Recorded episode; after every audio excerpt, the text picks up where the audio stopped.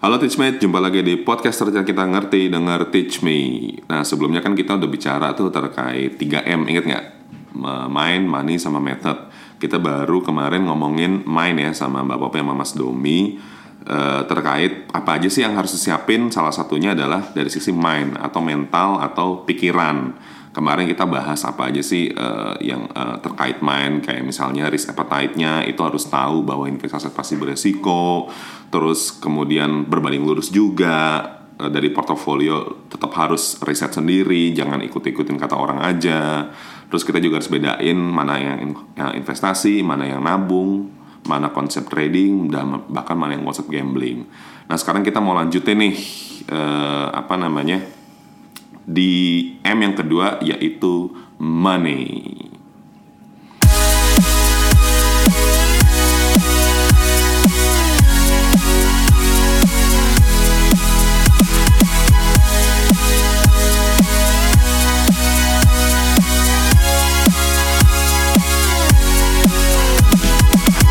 Oke, nah sekarang kita balik lagi nih, Bapak eh, Mas Dom apa kabar? Baik. Baik, baik, baik. Nah, jadi kita mau lanjutin lagi ya kemarin ya. Lu masih inget nggak gitu bahasanya? Jangan ada pada lupa. Insya Allah inget. Lanjut lanjut. Oke ya. Nah kan waktu itu kan kita udah main udah siap nih ya. Da- jadi eh, dari sisi mental kita udah siap. Sekarang kan yang paling pen- eh, paling paling penting juga sih maksudnya ya Penting kalau- kedua lah ya. Penting kedua lah maksudnya ya sesiap-siapnya eh, pikiran, sesiap-siap sesiap-siapnya main kalau misalnya duitnya kagak ada ya ngapain gitu investasi. Nah, makanya sekarang kita bahas terkait M yang kedua nih, money. Nah, kan kalau apa namanya? sering banget sebelum kita investasi kita harus tahu financial goals kita tuh apa. ya Yes, nggak? Jadi kita ngomong financial goals kita dulu nih. Iya. Nah itu kan biasanya itu apa aja sih yang harus di, disiapin terkait tujuan keuangan kita sebelum oke gue harus investasiin untuk memenuhi tujuan keuangan gue. Oke, kalau kita bicara financial goals tuh sebenarnya ini tuh kayak bridging antara mind yang kemarin sama money yang sekarang. Jadi uh, kemarin kita udah ngenalin diri sendiri tuh, Mas Domi kemarin kan udah kasih uh, beberapa pertanyaan tuh untuk kira-kira mengukur apakah uh, risk appetite kita itu masuknya ke risk yang averse ataukah risk lovers dan sebagainya. Iya. Nah, tapi lu kalau mau investasi tuh eh, please deh jangan ikut-ikutan orang. Lu tentuin dulu. Misalnya nih kayak gue. Gue misalnya pengen investasi kenapa? Kalau gue ditanya karena emang tiga gue mau nabung tiga tahun lagi anak gue mau kuliah Heeh. berarti itu Wah, ketahuan umurnya ya, Bu. eh ya enggak apa-apa dong ya gitu Oke ya anaknya kuliah jadi ya kurang lebih 18 tahun lah sekarang Iya, bapak umurnya. yoi. Asal jangan kebalik aja ya jadi 81 ya. Nah, itu kan berarti gue define tuh buat apa sih gue mau investasi. Eh. Kemudian eh, kalau gue define mau investasi dari tadi jangka waktu berarti itu bisa eh, ketahuan yang eh, tujuan yang kedua nih. Eh, itu jangka waktunya pendek, menengah atau panjang. Kalau tiga tahun kayak tadi kan berarti eh, udah menengah dong ya karena Uh-uh. pendek nggak masuk gitu. Iya. Berarti gue nggak mungkin itu eh, tujuannya trading. Gue pasti harus investasi di situ. Iya. Nah, kemudian berapa lama atau berapa banyak ya tinggal tarik mundur ya. Kebutuhan kuliah hari gini aja bisa 75 80 kali ya. Mau mau negeri, mau kos di luar kota, mau Iya itu kuliah itu eh, kemarin kan sempat heboh tuh yang apa namanya biaya TK aja. iya. Itu parah banget kan mahalnya Iya. kan ya walaupun tidak TK tertentu sih cuma ya di TK-TK yang rata-rata juga nggak kalah mahalnya, mahalnya juga, kan. Nah, jadi eh, tahun ini aja udah 75 80, tiga tahun lagi ya say misalnya cepet lah kita siapin. Nah, berarti definisiin dulu nih kita mau apa. Mungkin Domi saat ini beda sama gue gitu kan. Mungkin dia eh, kalau investasi beda lagi. Oh, Pengen buat apa nih, Dom? kalau investasi, Dom? buat kawin lagi. Jangan Padahal dong. katanya baru kawin kemarin. nikah, Mas, nikah. Eh, nikah. Kawin udah minggu kemarin. Loh. Oh. Sensor gak sih nih? Anyway, memang kalau saya pribadi ya Bu, eh, mungkin kita karena beda generasi, beda juga kebutuhan investasinya. Gitu kan. Mungkin Betul. untuk teman-teman di rumah yang eh, sekarang udah kepikiran nanti anak gue mau sekolah di mana gitu kan, atau memang, aduh rumah gue kapan kelarnya gitu kan, mungkin akan ke situ arahnya. Cuman kalau saya pribadi saya berangkat dari financial goal saya bahwa saya berpikir financial skill tuh sebenarnya basicnya penting banget sih gitu ya. Kita nggak nggak ngulung-ngulung ngomong masalah investasi yang advance advance dulu nih. Tapi masalah financial skill gimana lu mengolah keuangan tuh penting juga. Paling sederhana misalnya gitu kan saya punya duit 50.000 ribu. Nah 50.000 ribu ini mau saya kemanain gitu kan? Kalau mau saya beliin makan berarti sampai malam saya nggak lapar saya mau beliin minum ya sampai sampai malam saya nggak haus gitu Masa kan. iya? Ya, let's say seperti itu, Bu. Oke. Atau mau atau saya beliin rokok gitu kan, sampai malam saya nggak asem, tapi bisa lapar, bisa haus juga gitu ya. Jadi gimana kita ngolah keuangan kita sebenarnya secara basically ilmu financial itu penting untuk semua orang ya. Ini perlu digaris bawah ini. Jadi bukan orang yang dari orang ekonomi doang atau orang yang investasi doang enggak, tapi untuk semua orang tuh penting banget gitu ya. Kalau saya pribadi tujuan finan eh, tujuan finansial saya satu sih sebenarnya saya saya sebenarnya senang sama teorinya Bapak Robert J. Allen gitu ya, Bu. Waduh, siapa lagi tuh Robert J. Allen? Silakan teman-teman googling gitu kan. Bahkan ada salah satu situs yang bilang bahwa apa yang terjadi di Amerika sekarang gitu ya itu karena buah pikirannya dia sih. Jadi tokoh ekonom hebat juga di Amerika. Dia Jadi Robert J. Allen tuh ekonom. ekonom Oke. gitu ya. Terus dia bilang gini sih, dia eh, eksplisit banget bilang lu nggak akan bisa kaya, lu nggak akan bisa sejahtera gitu kan, nggak akan bisa makmur, nggak bakal bisa happy dalam hidup kalau cuman punya eh, saving account aja. Maksudnya saving account di di regular account di ya kita ngomong perbankan gitu ya karena ada Ah. penjahat yang mesti kita lawan dan di perbankan doang nggak cukup gitu ya namanya inflasi, Inflasi. sih teman-teman mungkin udah tau lah gitu ya Ya. kayak misalnya saya eh, naik angkot gitu kan. Angkot saya udah naik 30% dan segala macamnya. Jadi sebenarnya financial goal saya adalah untuk ngalahin inflasi sih mas. Maksudnya saya mau ngamanin aset saya dari si kejamnya si inflasi itu gitu ya harapannya apa Bukan sih kejamnya Ibu Tiri ya? Eh, belum punya butiri benar nggak ada Bu. Tetap lebih kejam ibu kota. Oke. tujuannya apa sih tujuannya saya sebenarnya udah jauh sih bu saya pengen nanti kalau saya pensiun saya udah financial freedom gitu ya hasil investasi saya udah bisa ngidupin kehidupan saya setelah saya nggak punya gaji lagi setelah pensiun Ya. saya kan nggak mau nggak mau nyusahin anak nggak mau nyusahin cucu jadi ya kurang lebih itu sih tujuan finansial saya mas. Ya dan emang sering banget kita nggak nggak nyadar ya maksudnya kita punya dalam tanda kutip musuh yaitu inflasi, Inflasi. gitu. betul Ya kayak misalnya kita waktu itu kan eh, Bapak sempat ngomong ya kalau misalnya kita nabung di eh, apa nyimpan uang di kasur. bawah kasur secara nilai nggak akan berubah. Tapi pertama misalnya 5 juta tahun sekarang nilainya bukan nilai apa namanya? Eh, Value-nya. Value-nya. Ya, Iya value-nya nilai. juga. Iya benar juga sih nilai. Ya misalnya ya, ya, ya dulu 5 juta itu lo bisa beli misalnya apa? Eh, Misalnya HP. Untuk lima tahun kemudian belum tentu HP 5 juta masih ada gitu contohnya kan? Atau belum tentu HP yang sama bisa kebeli dengan 5 juta yang Heeh, HP yang sama Dengan benar gitu. sama, ya. Dan itu kan karena inflasi gitu. Berarti kan kita eh, mau nggak mau memang harus meningkatkan nilai eh, uang yang kita save tadi dengan cara investasi. Betul. jadi balik lagi eh, kita harus pindah dari saving society ke Investing. Investing society, society. Oke, nah sekarang kita udah mulai masuk investing nih. Jadi kita udah udah mulai masuk ada beberapa hitung-hitungan lah gitu. Wow.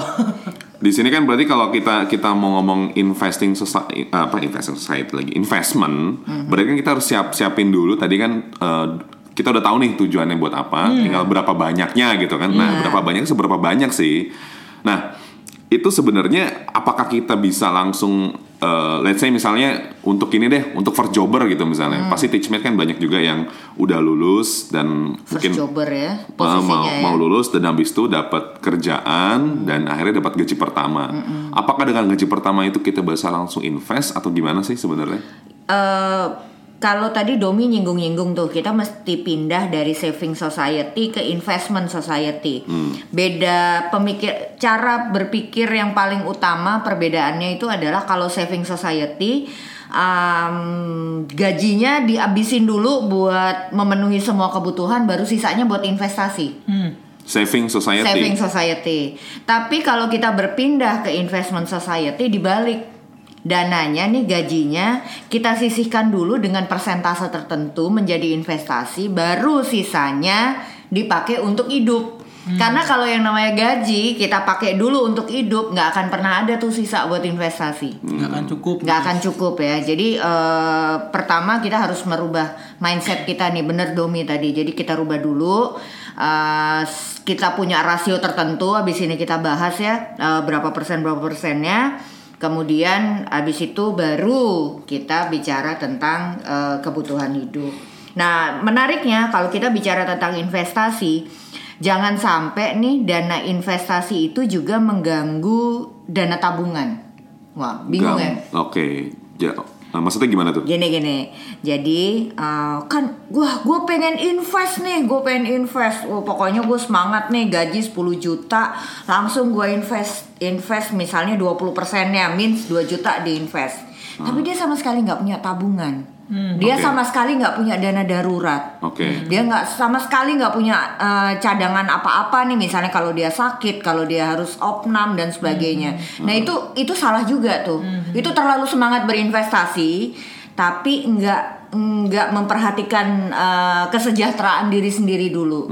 Jadi kalau buat first jobber sih atau teman-teman kalau misalnya pas mahasiswa udah punya tabungan, pelihara aja dulu tabungannya sampai ke uh, safety level tertentu sehingga dana tabungan ini ah, sudah ada sudah aman untuk uh, untuk jaga-jaga. Kalau dana darurat ini sudah ada baru kita berpikir tentang investasi dengan angka sekian persen. Oh, jadi kayak misalnya yang pas kita ngomong main itu kan kita pelajarin dulu atau pahami dulu fundamental baru technical. Ya. Kalau sekarang ketika kita masuk di uh, money Mm-hmm. uh, sebelum kita masuk ke investment, berarti kita harus cukupin dulu tabungan sama Dana, darurat. ya. Ya, betul. Oke, jadi dana darurat. Ya oke, jadi ya emang sih. Jadi kadang-kadang kan kita ya udah kita punya tabungan, ada sih, tapi apakah cukup belum tentu Belum gitu kan.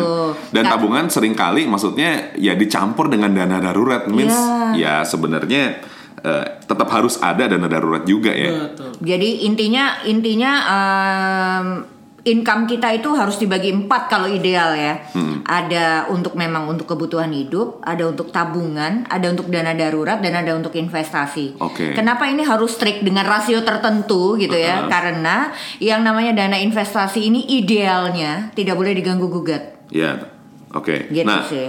Oh. nah tadi lu kan udah udah lu lu kayaknya udah gatal nih mulutnya. Lu mau nambahin nih? Kalau saya kan best dari best practice aja ya mas. Iya. Ah, ah. Saya juga mewakili kalangan-kalangan yang milenial gitu Oh, ya. gue juga masih milenial loh ya, jangan salah nih. Bukan kolonial ya. Kalau mau ngomongin dari segi kolonial, dari segi ko- eh, milenial. Tapi kadang-kadang aneh juga sih. Saya punya teman yang gajinya 5 juta, dia bisa nabung 500 ribu per bulan gitu ya.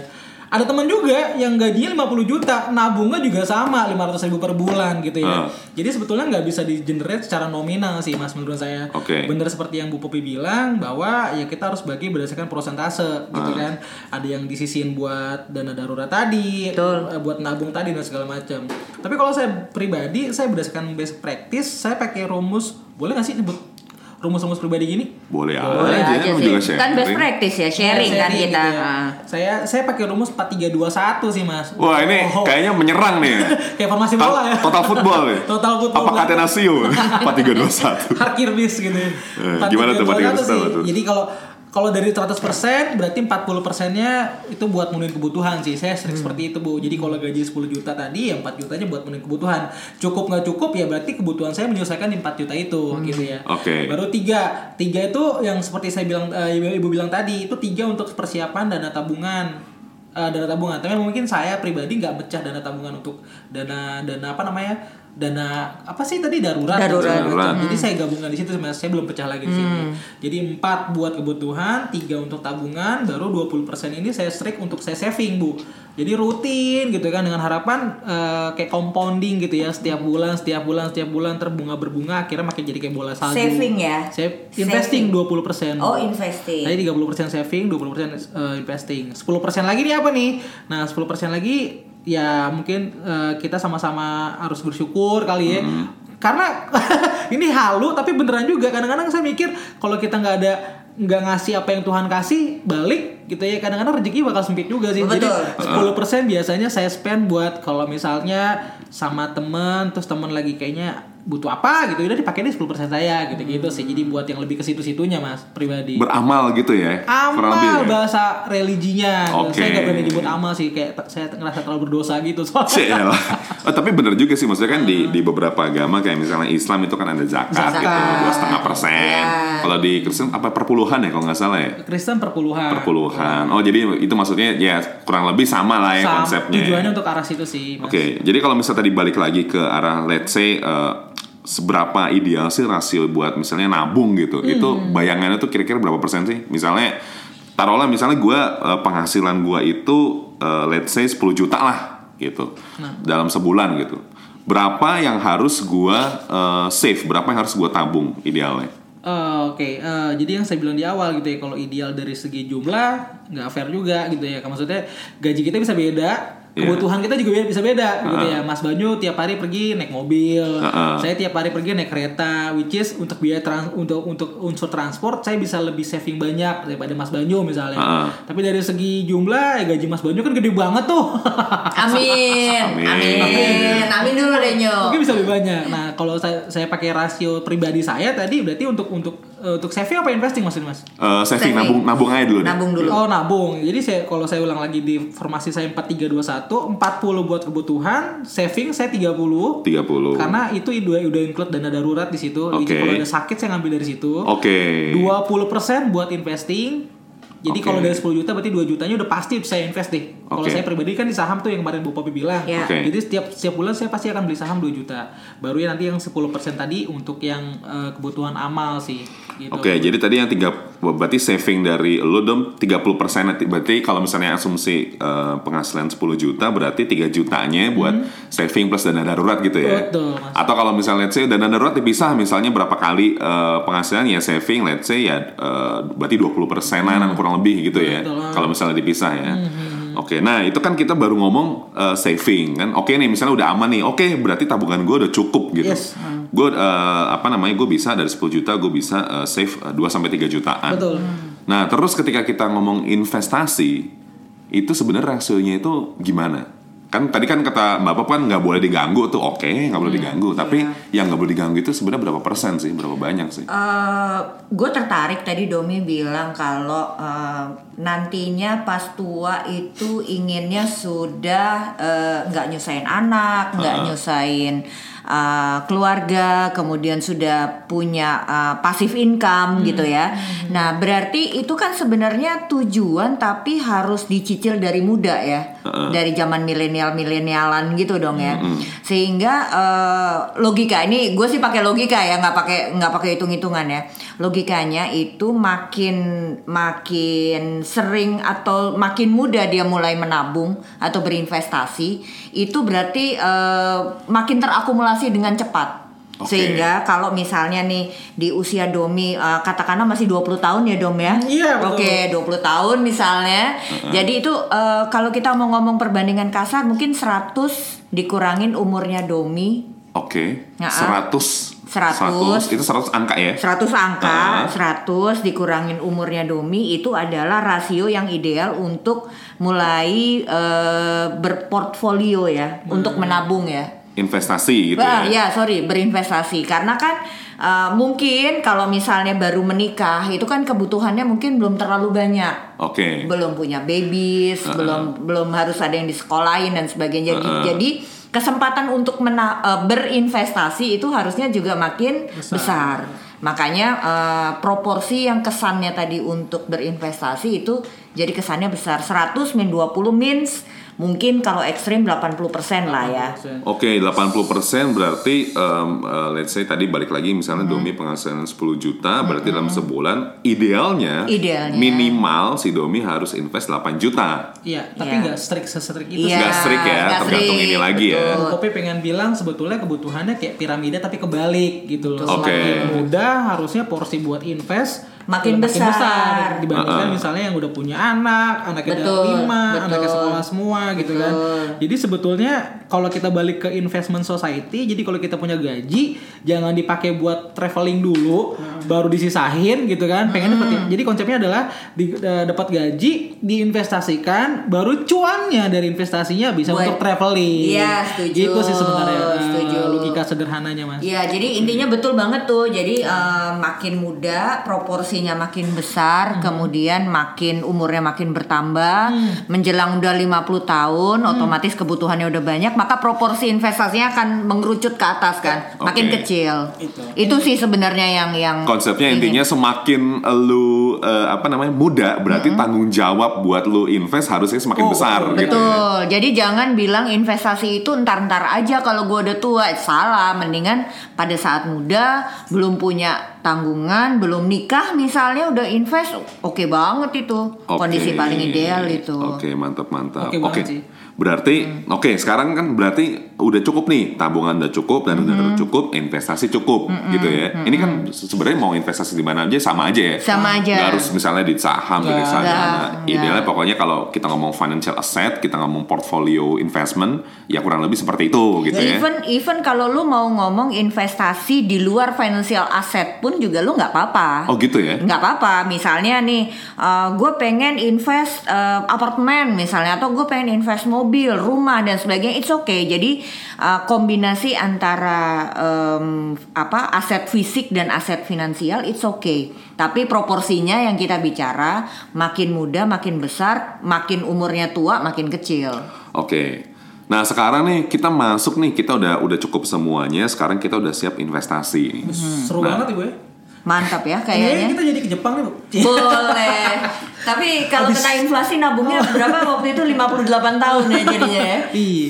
Ah 58 tahun apaan? Iya, kalau Iya. waktu itu kalau di galeri Yuk Nabung Saham kan ada tuh kalau mau jalan-jalan ke Jepang. Oh, yang simulasi gitu Iya, ya? yang ada simulasi-simulasi gitu, financial planning tuh kan asik banget tuh. Seru banget sih, seru banget. Jadi eh, apa namanya di bursa tuh ada ada semacam ruangan khusus gitu ya bu, ruangan galeri saham dia tuh kayak museum tapi museum kekinian. Iya, iya. Jadi teman-teman bisa simulasi dia pendapatannya berapa, eh punya tujuannya ke Jepang bisa dihitung itu sama mesin berapa tahun Berapa gitu. tahun? Terus berapa berapa berani saving berapa Yoi. sehingga dari savingnya itu ketahuan Berapa mau ke lama? Jepang itu berapa lama. Karena kita belajar itu akhirnya di umur kita yang sekarang yang masih milenial itu kita udah punya kesempatan mau ke Jepang dong. Yeay! Lebih cepet kita ngalahin inflasinya. Bener. Oke. Nah sekarang kita masuk ke Langsung bengong gitu ya. kita gue balikin ke tanah lagi nih sebelum ke udara lagi nih soalnya yang yang udah kita siapkan baru tabungan doang nih boro-boro ke Jepang ya nggak Oh, tapi tapi kalau nggak ada triggernya mau ke Jepang, Oh, iya, susah lah iya. ya, susah. Iya tapi kan pasti sebenarnya kita ngomong financial goals masa cuma ke- cuma karena pengen liburan doang enggak kan pasti kan macam-macam lah gitu. Nah balik lagi ke investment nih. Sebe- eh, sekarang gue mau ngomong se- seberapa banyak sih ideal uang yang dibutuhkan untuk investasi. Tadi kan kita mau ngomong yang sisanya aja nih, yang kita keep dulu nih berapa, abis itu yang, yang mau kita spend, yang mau kita eh, jajankan, kok jajankan sih? Spending tuh apa ya? Foya-foya. Eh, foya-foya di investasi, di investasi ya maksudnya ya, dikeluarkan untuk investasi itu berapa? Eh, apa namanya? Kalau misalnya kita ngomong kan eh, prinsipnya waktu kemarin kita bahas itu kan high risk high return ya. Nah itu sebenarnya bisa diterapin nggak sih di konsep eh, investasi ini dalam hal duit yang harus disiapin? Em, kalau kita ngomong high risk, high return, mau return segede apa pun, yang namanya investasi kemarin kan kita sempat singgung tuh, investasi itu udah kayak roller coaster, nggak Yeah. mungkin naik terus, pasti ada turun.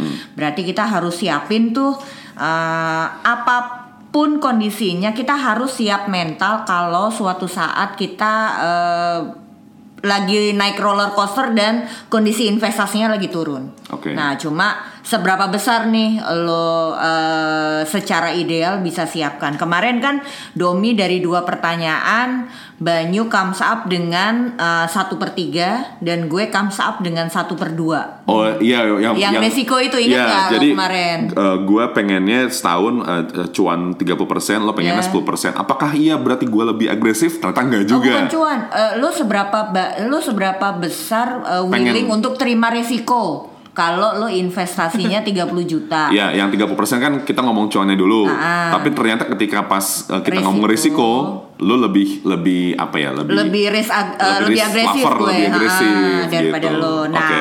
ternyata kalau misalnya kita bilang patokan rata-rata common practice-nya itu justru lo yang benar kemarin satu per tiga itu benar. Oh gitu ya? Justru lo yang benar. Kalau gue terlalu agresif tuh kemarin posisinya. Oke. Memang agresif sih guys. Eh, mohon maaf jangan buka rahasia ya di sini ya. Jadi eh, sebenarnya kalau apa namanya eh, kalau kita mau ngomong sebenarnya idealnya sih kira-kira berapa sih? Jadi kayak gitu ya. Jadi misalnya lu mau mau dalam setahun eh, apa namanya pengen Untung 10 pengen mau juta. pengen pengen untung 30% gitu misalnya mau berapapun itu berarti lo harus siap turun portofolionya 10% gitu ya, Iya, satu banding tiga gitu ya Benar, dan sebaliknya gitu. Ya. Sebetulnya memang risk reward ratio ini penting juga sih ya. Maksudnya kita nggak bisa pungkirin bahwa salah satu faktor pendukung investasi kita bisa oke adalah mental gitu ya. Heeh. Kayak misalnya saya beli sebuah saham dengan porsi yang kecil sama porsi yang besar pasti akan beda nih kepikirannya gitu ya. Ketika saya beli sekian persen dari porto yang porsi banyak pasti mau kerja aja mikirin porto, mikirin porto gitu kan. Jadi terlalu banyak juga nggak sehat. Jadi kalau berdasarkan common practice ya bener kan seperti yang Bu Popi bilang sih satu banding tiga sih mas gitu ya. Maksudnya Oke. kalau berdasarkan literasi yang kita sama-sama bisa baca satu banding tiga memang dianggap rasio yang paling sehat untuk investasi. Setiap kita mau dapat tiga memang ada resikonya memang mengikuti satu gitu ya. Kenapa sih? Kalau lebih dari satu banding tiga, which is itu satu banding empat, satu banding lima, satu banding sepuluh gitu kan, itu kayak mencerminkan kayak gue pengen banyak banget, tapi resikonya nggak kalau kalau boleh nggak ada atau kecil banget gitu ya, itu nggak sehat juga gitu, Oke. jatuhnya kayak menghalalkan. eh, ya pokoknya gue pengen untung banyak tapi eh, resikonya kecil banget nih. Kalau bisa jangan ada resiko itu nggak ya nggak sehat juga gitu ya menurut si eh, literasi. Di bawah 1,3 satu banding tiga kayak satu banding dua atau bahkan satu banding satu gitu ya kayak gambling. Nah semakin kecil dari situ akan semakin kayak ini kayaknya gue ngeluarin effort gede banget Bukan investasi lagi, tapi Bukan jatuhnya jadi lagi, gambling. jadi lebih ke gambling Betul. gitu jadi kayak effort gue kayaknya gede banget nih kepikiran mulu perasaan mulu kayak capek banget tapi hasilnya nggak sesuai sama yang gue harapkan jadi Hmm. bakal capek sendiri ntar mental investasinya gitu jadi emang eh, relatif satu banding tiga dianggap gitu ya paling relatif sehat, sehat sih betul. secara mentality Nah itu juga kalau gua sambung tuh eh, balik lagi ke roller coaster ya. Pada saat kita turun nih, misalnya lo invest 10 juta, lo pengen dapetin 10 juta, sampai berapa berapa banyak lo bisa menerima resiko? Tadi kan satu banding tiga tuh, means kalau lo eh, invest 10 juta, kalau tahu-tahu investasi nilai investasi lo berkurang eh, berapa? Eh, 10% ya. Misalnya turun 1 juta, salah ya gue. 10 juta 10 persennya 1 juta betul Iya benar ya, satu juta, satu juta. Berarti pada saat eh, in- nilai investasi lo turun lebih dari satu juta, lo harus berani cut loss. nah Oh gitu. Lo harus berani cut loss di situ, karena kalau lo nggak cut loss, lo nggak sehat nanti investasinya. bet- Oh jadi emang katus tetap perlu ya? Tetap perlu Nah terus berarti rugi, ya rugi dong gitu. rugi, tapi kan ruginya sehat masih. Sehat. Masih sehat dalam arti tadi di risk reward ratio-nya satu banding tiga. Oke. Gitu. tapi memang eh, ya jadi jadi implikasi gimana sih implikasi ya kalau saya pribadi ya bu kalau saya boleh cerita gitu ya make sure eh, Nggak boleh. Ya terus gue ngapain di sini? Jadi kayak satu banding tiga tuh lagi diterapin dari awal gitu ya dari awal ketika misalkan kayak saya kan saham saham ismi banget kalau bu Iya. bilang Samiah lah. Samia, nah, Samia kalau Samia. bahasa itunya. Jadi kalau saya mau beli saham ini nih, berarti saya harus harus make sure paling enggak eh, ketika saya beli potensi keuntungan saya tuh 30%. Heeh. Nah, gitu ya potensi keuntungannya 30%, saya garisin gitu kan. Berarti toleransi resikonya ada di bawah. Jadi ketika misalnya potensi 30 ya berarti 10% saya mesti cut loss. Tapi memang cut loss tuh sebetulnya jadi cut loss tuh bukan kayak wah cut loss lu aib pas gak baca enggak sih. Heeh, Jadi ka- eh, dan kebanyakan orang yang memang pro trader, emang investmentnya udah udah canggih banget. Cut loss tuh sebenarnya barang-barang yang biasa aja, lumrah gitu ya. Cut itu apa sih? Cut itu memotong. Loss itu apa sih? Kerugian gitu. Jadi memotong untuk biar nggak rugi lebih dalam lagi. Nah dari yang di cut loss itu ntar kita bisa switching lagi nih ke stok-stok yang lebih potensial gitu daripada kita nungguin kapan baliknya, kapan baliknya ntar capek sendiri sih. Jadi lebih sehat kalau kita pengen trading misalnya ya disiplin satu banding tiga. Pengennya untung 30 ya 10% adalah batas toleransi saya untuk Betul. bisa saya cut loss gitu sih.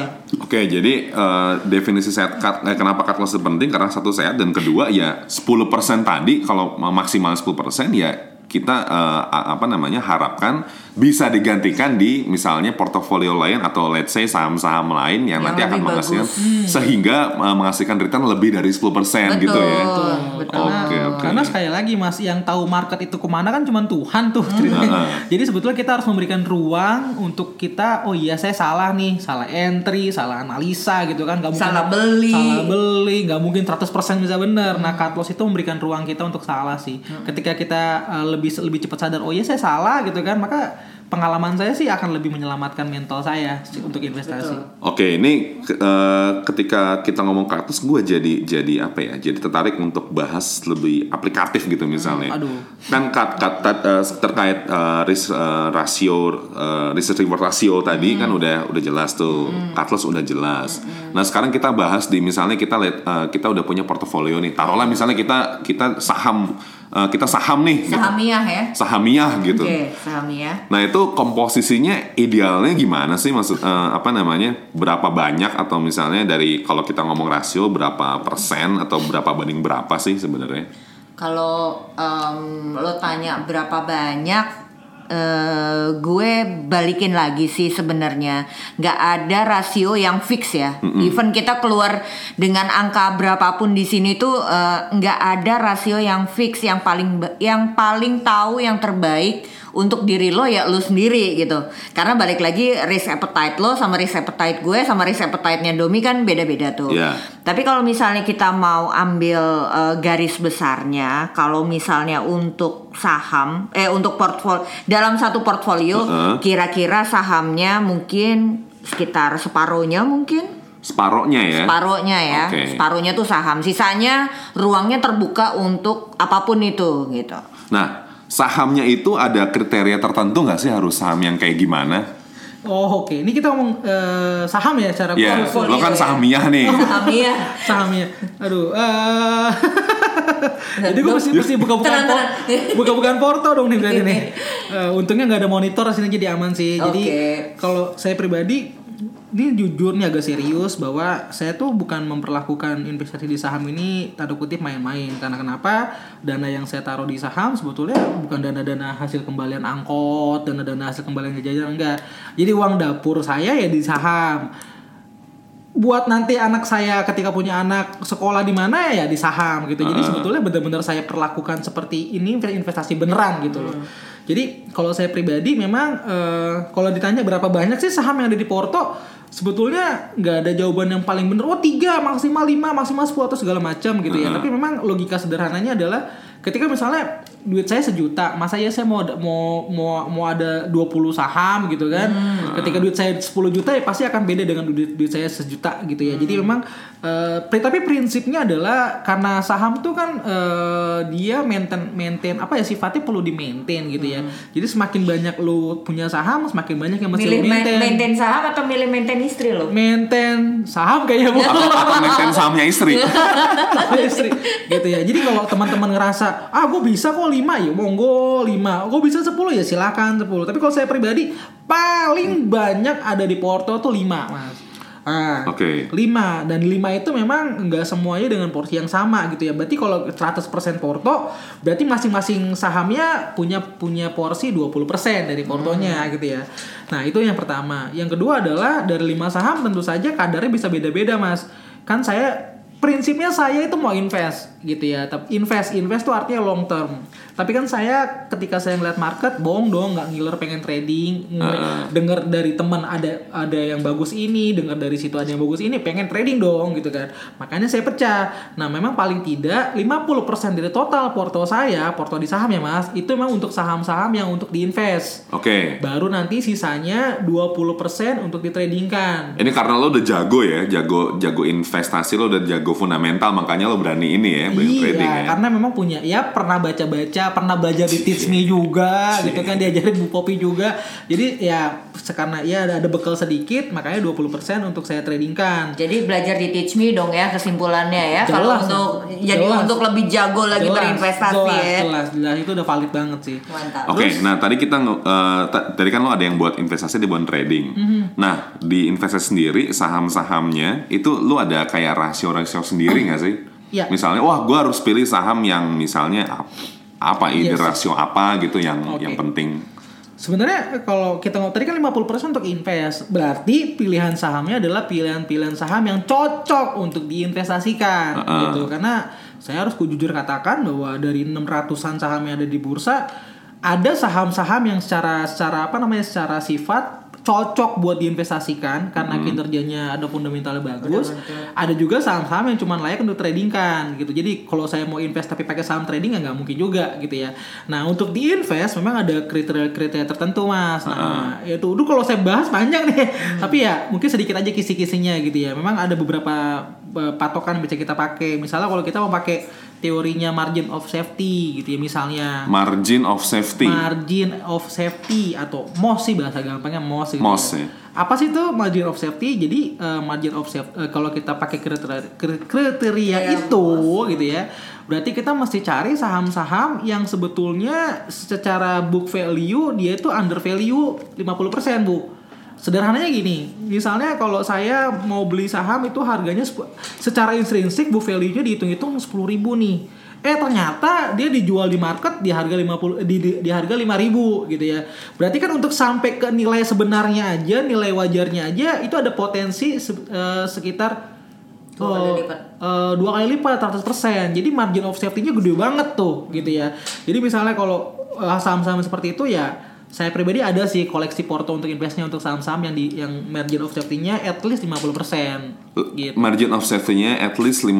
At least 50% Karena artinya kita ngomong berarti potensi untuk saham itu balik ke harga normalnya aja Gede banget Gitulah ceritanya Oke, jadi kan sebenarnya kalau Teachmate eh, sempat belajar sedikit ya terkait eh, apa sih gimana sih cara valuasi saham gitu misalnya. Itu kan sebenarnya ada dua jenis nilai at least gitu. Ada nilai pasar sama nilai intrinsik. Intrinsik betul. Nilai pasar adalah nilai yang eh, ya ketika kita lihat eh, har- eh, apa harga saham itu ya itu adalah nilai pasarnya lagi segitu. Yang lagi Iya. dijual di market Nah, lagi dijual di market di bursa. Tapi Nah, kalau nilai intrinsik adalah nilai yang emang dipelajari sama adik-adik mahasiswa misalnya waktu masih kalau di Fakultas Ekonomi itu di manajemen keuangan tuh kan ada hitung-hitungan tuh valuation saham, Iya. nah valuation obligasi. Nah, itu adalah nilai intrinsik. Nilai Oke. hitung-hitungannya intinya. Oke, jadi tar- eh, dengan eh, contoh yang tadi Mas Domi sampaikan, misalnya setelah dihitung-hitung eh, dihitung-hitung dengan eh, metode tertentu, nilai intrinsik suatu saham itu adalah 10.000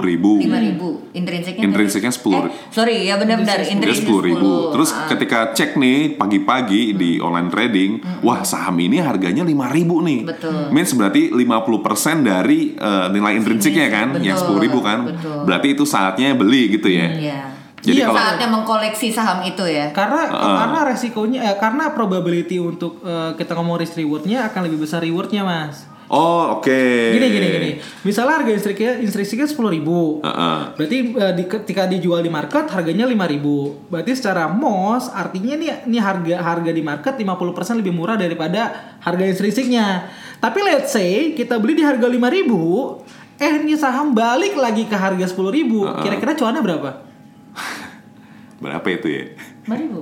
lima ribu terus balik ke sepuluh ribu kita udah cuan 100% Oh, bayangin iya, coba deh iya, iya. gitu ya dari dari dari segi resiko lebih kecil lebih safe tapi potensi kita untuk cuan itu probability cukup gede karena balik ke harga normal aja udah untung 100 100% gitu ya itu sih kenapa enaknya kita cari saham yang eh, margin of safety-nya at least 50% Jadi kalau misal tadi let's say eh, nilai intrinsnya 10.000 terus ternyata harga sahamnya lagi anjlok dari 5.000 ke misalnya 3.000 itu malah jauh lebih bagus lagi ya. Betul, karena mosnya makin besar Iya. kan. berarti bahasanya bukan anjlok diskon Diskon, inget tuh anjlok min diskon gitu ya. Sih. Oke oke menarik nih. Jadi dari terutama dari pas kita ngomong investment ratio ini itu jadi kerasa banget. Yang kemarin kita ngomong main udah macem-macem macem. Oke gue udah siap main. Terus eh, sekarang kita ngomong money, financial goalsnya udah siap. Tadi tabungan cukup dana darurat cukup. Tapi ternyata ketika kita ngomong risk versus reward, ternyata dia nggak siap. Berarti dia nggak lulus eh, ujian dalam tanda kutip mainnya itu nggak siap ya. Oke, jadi emang tetap harus eh, bertahap, bla bla bla bla bla, eh, Nah. step by step main ke money. Habis itu baru nanti nextnya adalah method ya, gimana cara eh, metode yang paling efektif gitu Betul. untuk investasi ya. Betul. Wah, itu gila. bakal seru banget sih mas harusnya Gitu ya? karena ngomongin method kita kayak ngomongin kalau kita suka bola kita, kita mau ngalahin uh, tim itu gimana caranya sih udah strategi ini strategi ini kalau tim pakai Susah ya ngomong sama cowok bola.